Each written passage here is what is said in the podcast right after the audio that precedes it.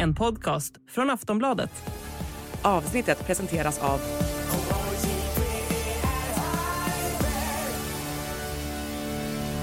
Stödlinjen.se, åldersgräns 18 år.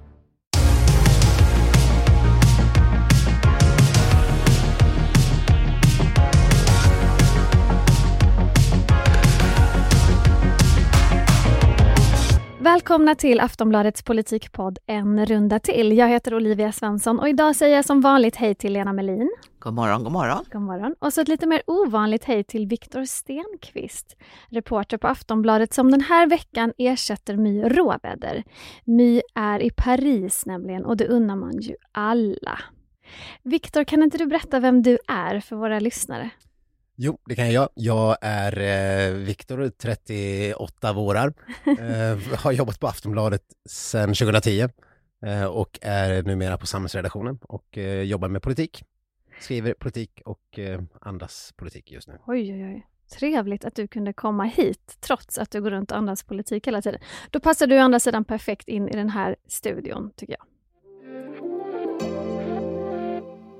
Lena, du var i riksdagen i tisdags och fikade med Ebba Busch. Ja, jag var inte en. Vi hade inte ett möte på tu hand. Det var några andra som fika också. Men fick ni kaka? Eh, nej, bullar. Bullar. Det får duga. Jag hörde att hon var en halvtimme sen. Ja, det var hon. eh, Jag vet inte varför.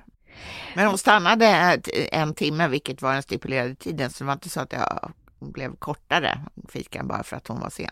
Det var ju tur i alla fall. Ebba Busch har det ju ganska hett om öronen just nu och hon fick naturligtvis många frågor om Johan Ingerö och Sara Skyttedal. Det är ju allt man pratar om just nu när man pratar om KD. Johan Ingerö avgick ju nyligen som partisekreterare för KD efter att Sara Skyttedal, Europaparlamentariker för KD, anmält honom till polisen. Rubriceringen är sexuellt ofredande och rör en fest 2014. Dessutom har ett bråk om Skyttedals cannabisanvändande aktualiserats och hennes inställning till cannabis har blivit en het fråga i partiet. Gråtstämning i KD skriver DN idag. Skulle du kalla det KD befinner sig i för en kris, Viktor?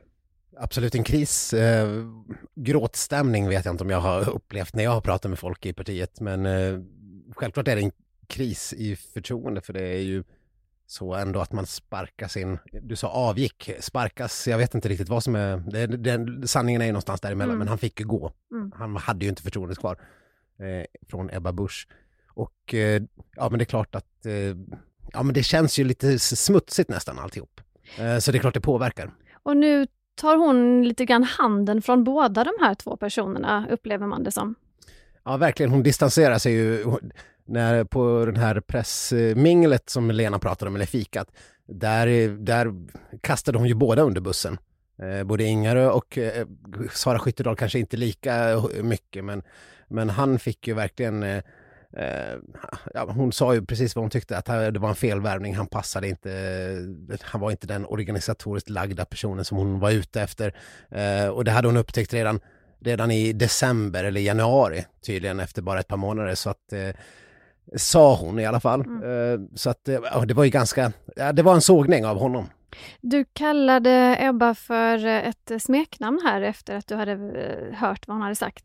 Ja, Magister Bush, uppsträckaren. Mhm. Eh, för det var, det var ju det var en sån här klassisk uppsträckning ändå. Hon, hon kan ju vara ganska retoriskt hård, Ebba Busch, ofta.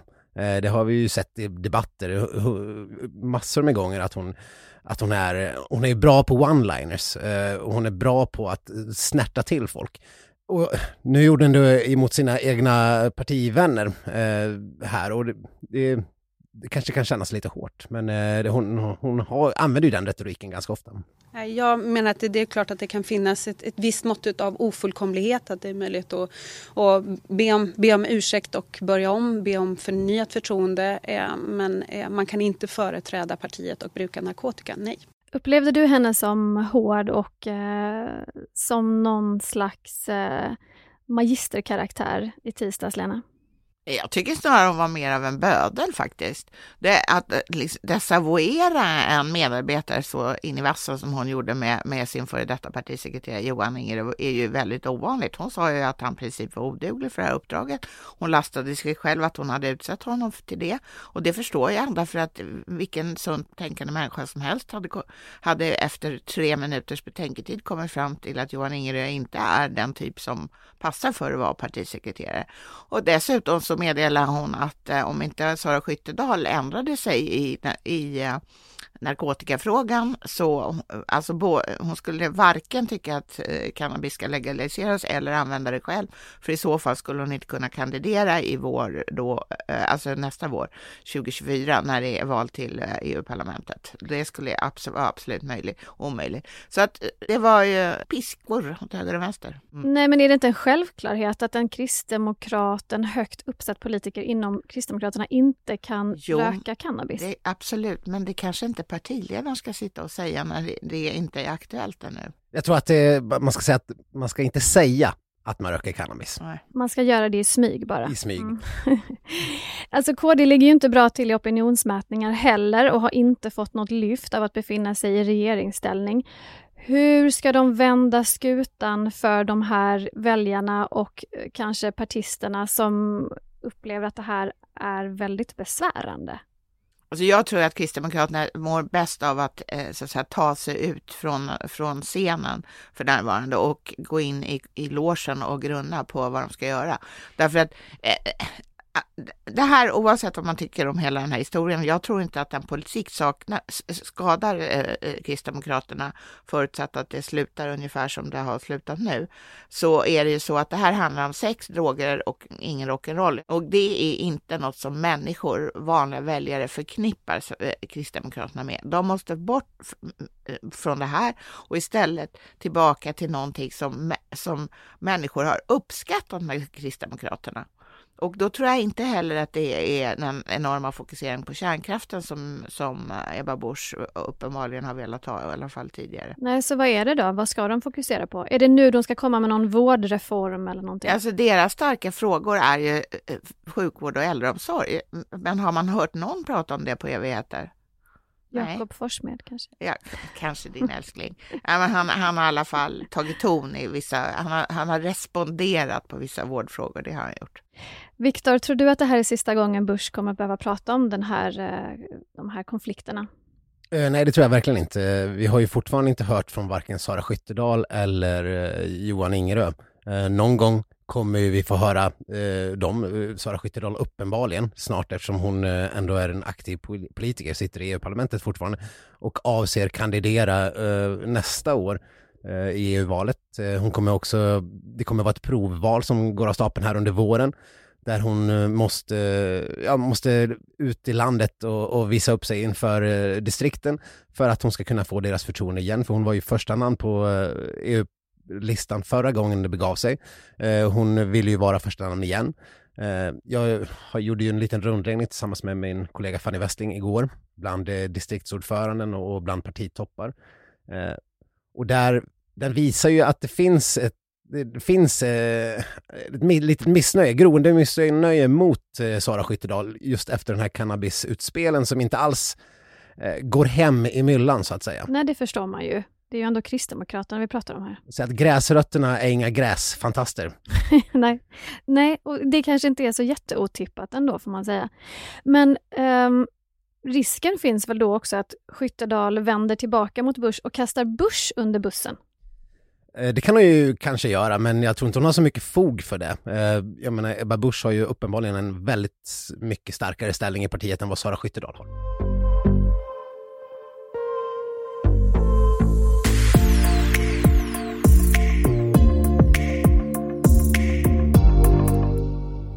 Viktor, efter den här inspelningen så kommer du att fara till Karlstad. Mm. Sola i Karlstad. Ja, Va, vad händer där? Eh, det är Moderaternas Sverigemöte. Eh, så det kommer komma partister från eh, land och rike samlas där och ha lite seminariedagar och grejer och lyssna på tal från partisekreterare och statsministrar och allt möjligt. Lena, du har ju lång erfarenhet av sådana här sammankomster. Brukar de leda till något? Vem är de till för?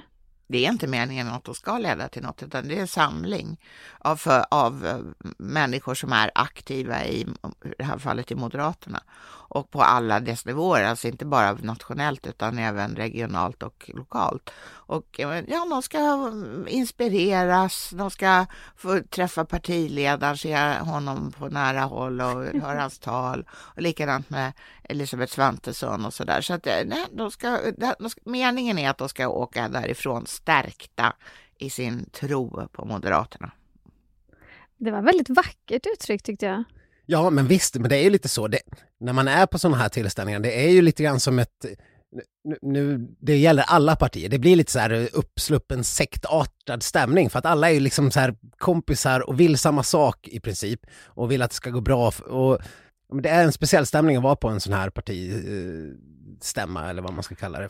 Jag var ju tillsammans med er på Centerstämman för några månader sedan och där var det ju ganska dålig stämning till och från. Och jag undrar lite grann, för vi ska ju in i Moderaternas innersta idag. Vi ska skärskåda deras själ. Och då undrar jag lite hur det ser ut där inne. Är ni redo för en sån här mental djupdykning? Absolut. Sure.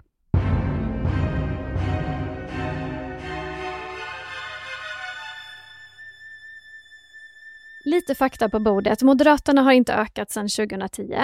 De gjorde ett förlustval även 2022, blev bara tredje största parti, men lyckades då få makten med hjälp av SD, L och KD och ett tjockt Tidöavtal.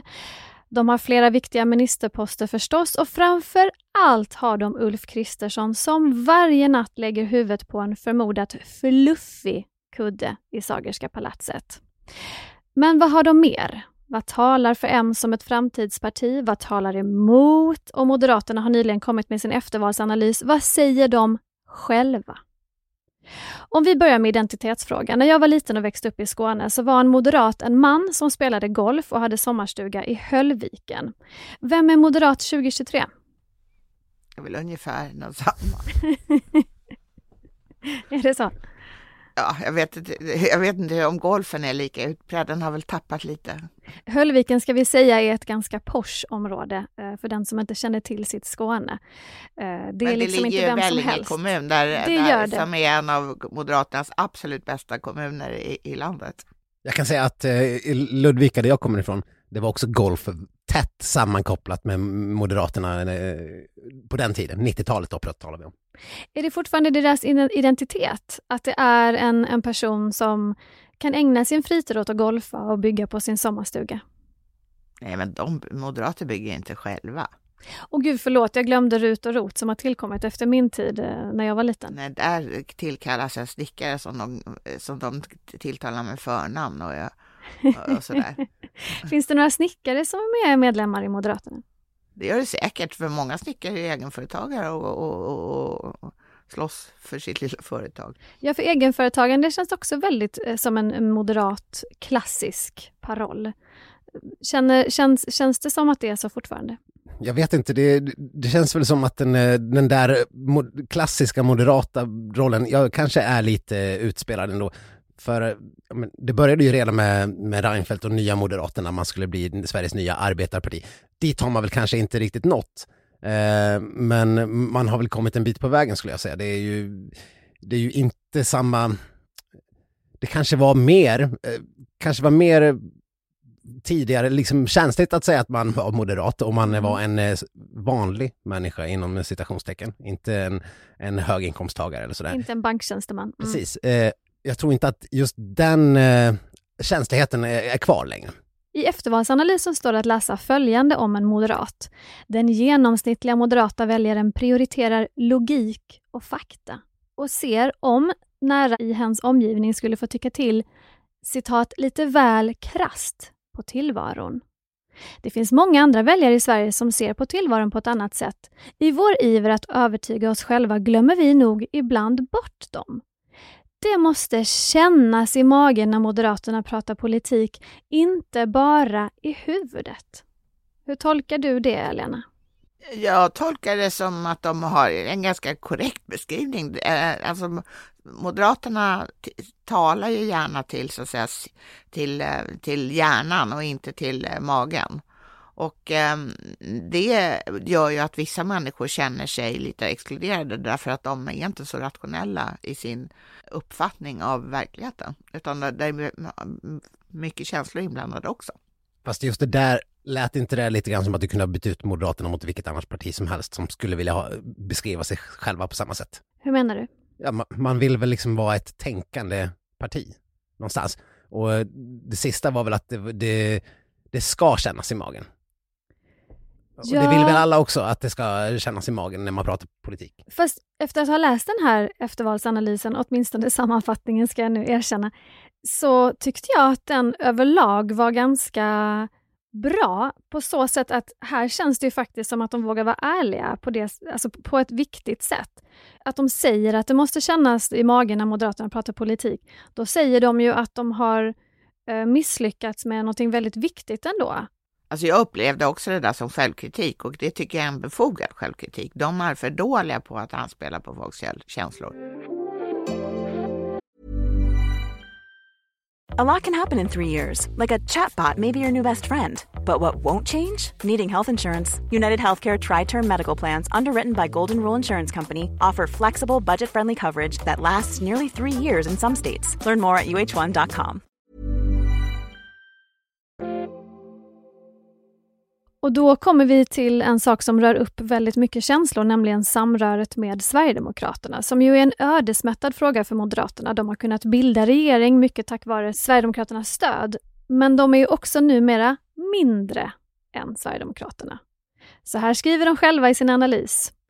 SD fick valet att återigen till stor del handla om sig själva. Även när de inte var närvarande handlade debatten om hur andra partier förhöll sig till Sverigedemokraterna. Så hur förhåller sig M till SD nu, Viktor?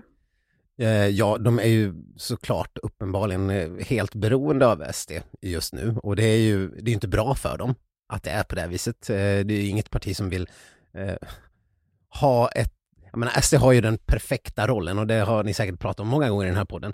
Eh, vilket innebär att eh, Moderaterna har den eh, absolut inte perfekta rollen, tvärtom. när man, för Moderaterna måste ju förhålla sig hela tiden till vad SD tycker och det är ju en, det är en mardrömssituation på ett sätt. Eh, så att det är klart att det är en suboptimal situation för Moderaterna eh, i deras förhållande till SD just nu.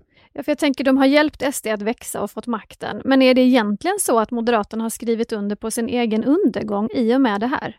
Ja, alltså undergång kanske var det väl att ta i, men... Ja, jag tog i för att jag tycker om dramatik. Ja, men jag, Moderaterna behöver, om de ska fortsätta, om de vill återkomma som Sveriges näst största parti, så måste ju de hitta ett sätt att armbåga sig förbi Sverigedemokraterna.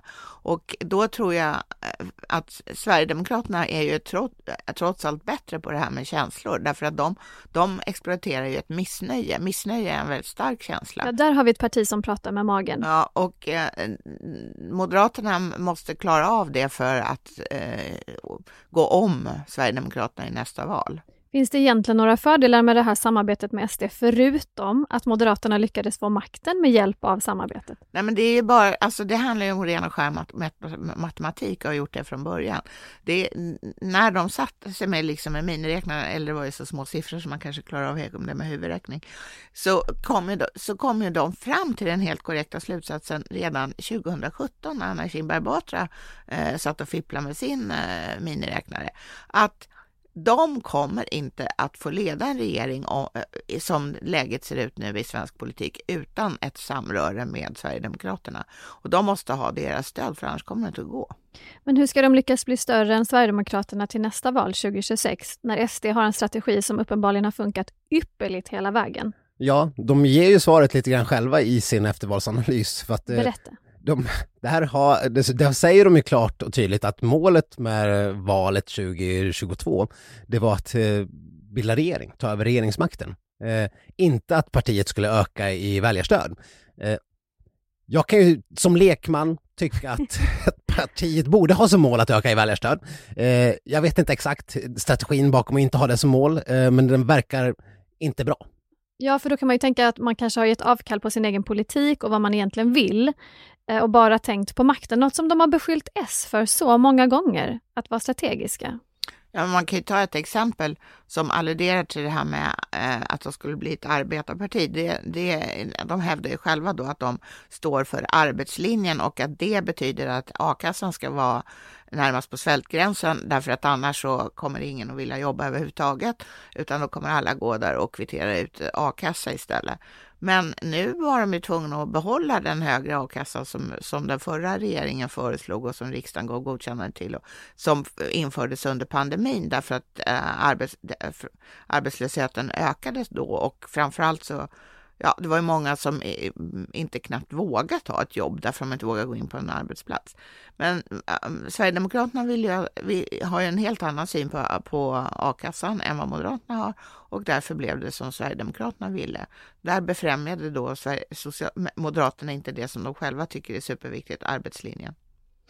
Vi kommer att återkomma lite grann till just eh, sakfrågorna som Moderaterna väljer att prata om. Men Viktor, du noterade en annan sak i eftervalsanalysen och det är att Moderaterna pratar väldigt mycket om Magdalena Andersson där.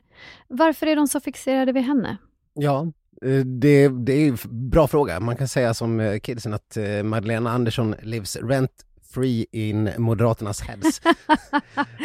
för att hon återkommer gång på gång i eftervalsanalysen. Och det är väl ganska, ganska självklart på ett sätt, för att vid sidan av Jimmy Åkesson så är det väl ingen partiledare som har, eh, som har så stor betydelse för sitt partis popularitet just nu. Det, det framgick ju i, i alla typer av eftervalsanalyser att Magdalena Andersson var en stor anledning till att många röstade på Socialdemokraterna. Att de faktiskt gick framåt i opinionen ändå tappade, eller i eh, väljarstöd och ändå tappade regeringsmakten. Eh, men de går framåt. Mycket tack vare Magdalena Andersson. Det, det det trycker man på gång på gång också i den här eftervalsanalysen. Eh, hur, hur, ja, men hur framgångsrik hon har varit, eh, vad, vad de behöver göra för att eh, liksom ta lite av den, eh, eh efterta den eh, taktiken på något vis. Men är den här fixeringen nyttig, Lena? Fixering är aldrig nyttigt, men jag tror att det är, väldigt, att det är viktigt för Moderaterna att analysera varför hon, eh, hon var så viktig för Socialdemokraterna. För att det är ju, då, då kan de ju göra någonting åt det så att säga. Är de rädda för henne tror du? Absolut. Jag pratade med en högt uppsatt moderat, eh, det var redan före valet när de uh, hade gjort analysen att uh, nu skulle det bli tufft eftersom Socialdemokraterna hade bytt partiledare. De hade ju helst sett då att Stefan Löfven satt kvar för då hade de sett en promenadseger framför sig. Och eh, det visade sig ju vara rätt då. Men de vann eh, i alla fall i och med att eh, Socialdemokraternas allierade, de partierna backade ju i alla fall två av fyra. Men jag tror att grejen med Magdalena Andersson är ju inte att hon eh, har en så särskilt trevlig framtoning eller så, utan det är mer att hon verkar som hon behärskar det hon håller på med tror jag. Jag, jag tror att det är liksom eh, grejen med henne. Du har ju sagt att Moderaterna ägnat sig för mycket åt att städa efter Socialdemokraterna. Vad menar du med det? Nej, men de uttrycker sig så själva att de håller på med någon stor städoperation. Och det kan de inte göra hur länge som helst. Okej, nu har det bara gått ett halvår sedan valet och regeringen har bara suttit i fem månader. Men, men snart måste de sluta städa och börja komma med sina egna grejer. Sen kan man väl också, en annan slutsats i, när vi pratar med Magdalena Andersson och Socialdemokraterna, Socialdemokraterna är ju väldigt eh, framträdande också i Moderaternas eftervalsanalys överlag. Eh, man tar bland annat upp det här med att eh, den stora skiljelinjen i svensk politik nu framåt eh, kan riskerar, som man ser att vara mellan Socialdemokraterna och Sverigedemokraterna istället för Socialdemokraterna och Moderaterna och det är något man är väldigt rädd för inom Moderaterna för man vill ju fortfarande ha den, den framträdande rollen och vara det stora oppositionspartiet mot socialdemokratin. Men så var det, för det bestämdes ju sossarna redan i det val som vi hade. Eh, och även faktiskt i valet innan att deras huvudmotståndare var Sverigedemokraterna. Och det är ju, i längden är ju det livsfarligt för Moderaterna för då sjunker de liksom in i väggen. Och det klarar inga partier. Men en sak som varken Sverigedemokraterna eller Socialdemokraterna har är statsministerposten. För den har ju Ulf Kristersson. Och hans förtroende dalar. Det skiljer 18 procent mellan honom och Andersson i de senaste mätningarna vad gäller just förtroendet han är ju ändå en väldigt viktig eh, figur nu, att hänga upp Moderaternas eh, förtroende, eh, att hänga upp eh, liksom symbolen för Moderaterna och deras eh, ändå makt och vad de kan åstadkomma. Vad ska han göra? Alltså, vad ska just, han göra, Lena? alltså just nu tror jag inte han kan göra så himla mycket för folk, det här elstödsdebaclet och NATO-röran är för närvarande så att jag tror att det, han ska nog kanske bara försöka se tiden an och under den, under den perioden eh, tänka ut något. För att det som han saknar är ju just det här som Magdalena Andersson har. Att man tror inte riktigt, man tror på henne, man tror att hon har lite koll på läget, men man tror inte riktigt att Ulf Kristersson har det. Är du av samma uppfattning, eh, Viktor? Ja, men lite grann så tror jag att han ska bara jobba på. Uh, han har ju ändå den ypperligt bra positionen där han är statsminister. Eh, och han leder... Det var lite det jag menar. Ja, ja, men precis. Ja. Nej, men alltså, bara det och, och vara det under en tid och se till att det går bra för Sverige, se till att folk har det bra. Eh, se till att matpriserna sjunker, se till att folk har råd att betala sin eh, lägenhet, se till att elet inte blir så himla dyr. Får han sådana saker gjorda så kommer han ju växa i förtroendet eh, med tiden. Då får han ju symbolerna med sig på något sätt och nycklarna för att bygga vidare. Men förutom Ulf Kristersson, vi pratade ju väldigt länge om Elisabeth Svantesson förra eh, veckan, i förra veckans avsnitt, men vilka andra populära personer har de att liksom locka väljare med nu? Alltså, när vi gör vår årliga mätning av vilka ministrar som, som får bäst betyg av svenska folket, och då är ju det även av andra människor än de som röstar på Moderaterna, det är alla väljare, då hamnar det i topp Paul Jonsson och Gunnar Strömmer. Eh, Ulf Kristersson var ju på nedre delen av listan. Just det, Paul Jonsson. Berätta om Paul. Paul är försvarsminister och Eh, nu är det så att i den mätningen får man bara ge upp, ha sin uppfattning om en person om man vet vem det är. Så, och, och, Paul Jonsson är inte jättekänd, men de som känner till Paul tycker han är en superförsvarsminister. Nu har vi då Paul, vi har eh, Strömmer och vi har Kristersson. Det är tre män, noterar vän av ordning. Mm. Och det leder oss raskt till nästa problem. Eh, jag citerar ur eftervalsanalysen. Sverigedemokraterna ökar kraftigt bland kvinnor i valet 2022 medan Moderaterna tappar i väljarstöd bland kvinnor. Det finns därmed en hemläxa att göra för Moderaterna som parti. Där är sakfrågorna viktiga. Kvinnor tycker i genomsnitt att välfärdsfrågor, klimat och miljö är mer prioriterade än män. Hur ska Moderaterna vinna kvinnorna, Viktor? Ja, det, det, är väl svaret där. Det, det, man upplever inte Moderaterna som ett eh, välfärdssatsande parti. Eh, och det är väl där de måste, det är väl den bilden de måste börja bygga upp av sig själva om de ska locka över kvinnor. Det, den analysen är väl ganska korrekt och given. Jag måste säga att jag ibland så älskar jag sådana sifferbad, så jag, gick, jag kastade mig också ner i Valu, eh, mm. eh, som de gjorde i den här moderata valanalysen. Och problemet är ju att de är inte bäst bland män heller. Etta där är Socialdemokraterna och tre, tvåa är, är eh, Sverigedemokraterna. Trea bland manliga väljare är Moderaterna. Bland kvinnor är de åtminstone tvåa efter Socialdemokraterna. Så att grejen är att de kanske har, deras bästa grupper är faktiskt de unga väljarna. Det är väldigt Oavsett intressant. kön. Ja, det är jätteintressant. Det är ju ändå de som ska rösta 2026. Ja, men de kanske hinner ändra sig, det vet man inte. Unga väljare är lite flyktigare än andra. Men Lena, du tycker att det här med att Ulf poserar i jägarmundering och sådana här grejer inte är någon bra lösning för att locka fler kvinnor? Det känns egentligen ganska självklart. Ja, men alltså så töntigt. Stå där med några gevär och en hund ute i buskarna. Det är inte hans jobb. Och jag förstår inte heller att det är en fritidssysselsättning som, som han tycker att, eh, som han tror är någonting som lockar väljare.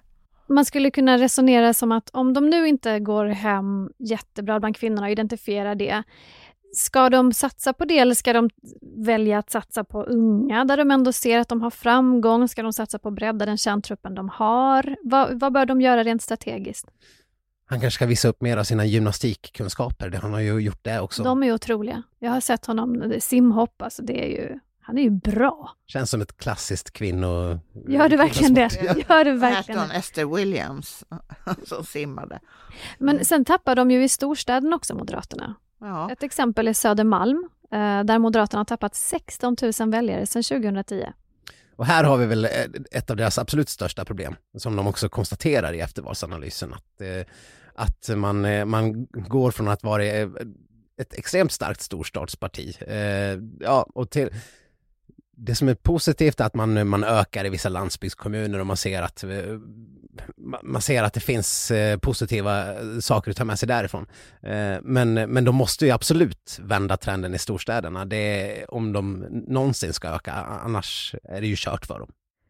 I eftervalsanalysen pratar Moderaterna också om att de är väldigt svaga på, att de är ganska svaga på sociala frågor och välfärdsfrågor. Och där kanske det finns nycklar. Behöver de satsa mer på det för att bredda sin profil? Alltså, det finns ju jättelite forskning på det här området, men en, en skäl till att kvinnor oftare röstar på, på partier på den vänstra planhalvan än på den högra planhalvan anses ju vara just betoningen på välfärdsfrågor och, och, och sånt som är förknippad med egentligen från början kvinnors insteg på arbetsmarknaden att de, de, för att kunna jobba så var de tvungna att ha lite uppbackning från det allmänna så att säga genom till exempel barnomsorg. Så i vilka frågor är Moderaterna fortfarande väldigt starka?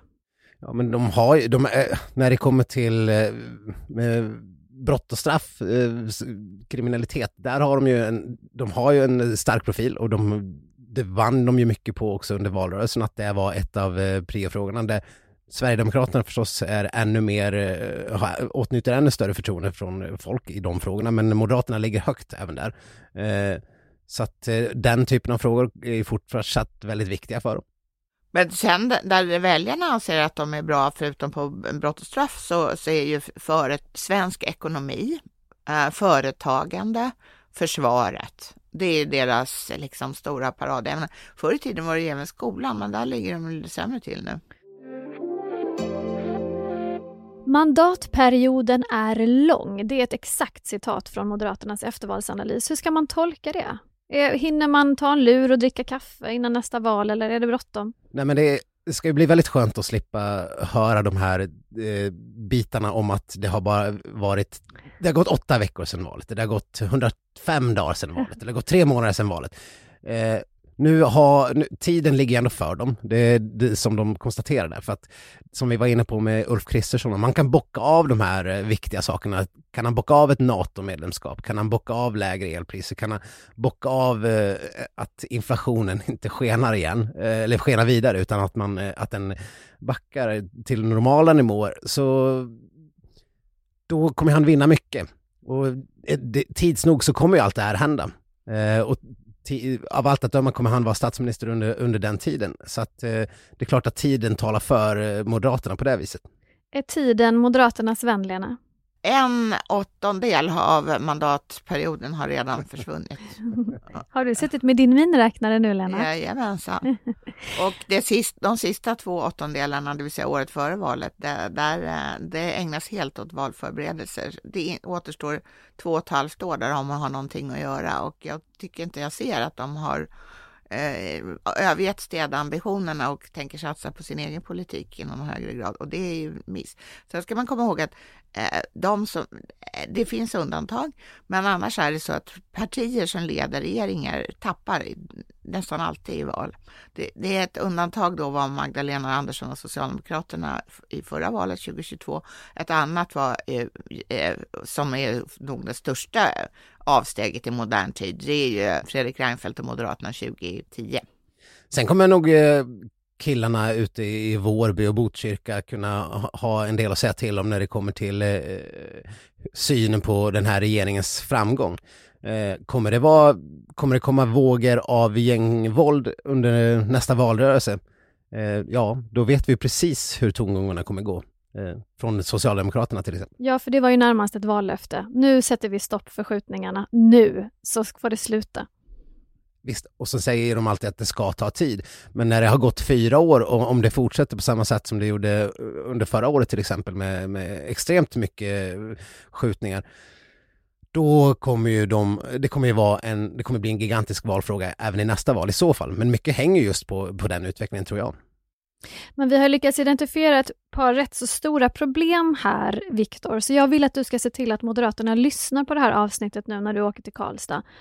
Jag tar med en megafon och spelar upp eh, podden ständigt. Ja, det får du göra. Och sen ta med några klockor och så får du peka lite på dem, på visarna och säga, hörni, en åttondel har gått, eller vad det nu var. Var det en åttondel? Mm. Ja, nu är det bråttom hörni. Och två åttondelar kommer gå bort i valrörelsen. Ni har inte mycket att jobba med. Vad kul du ska ha i Karlstad. Ja.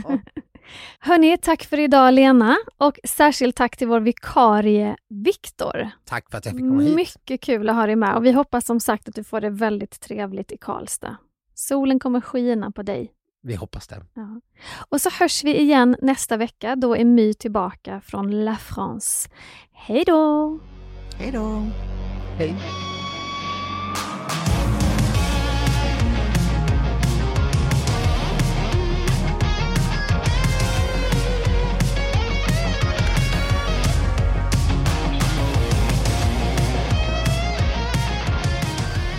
Du har lyssnat på en podcast från Aftonbladet.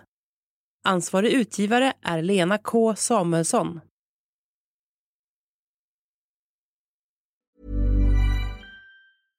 Flexibility is great. That's why there's yoga.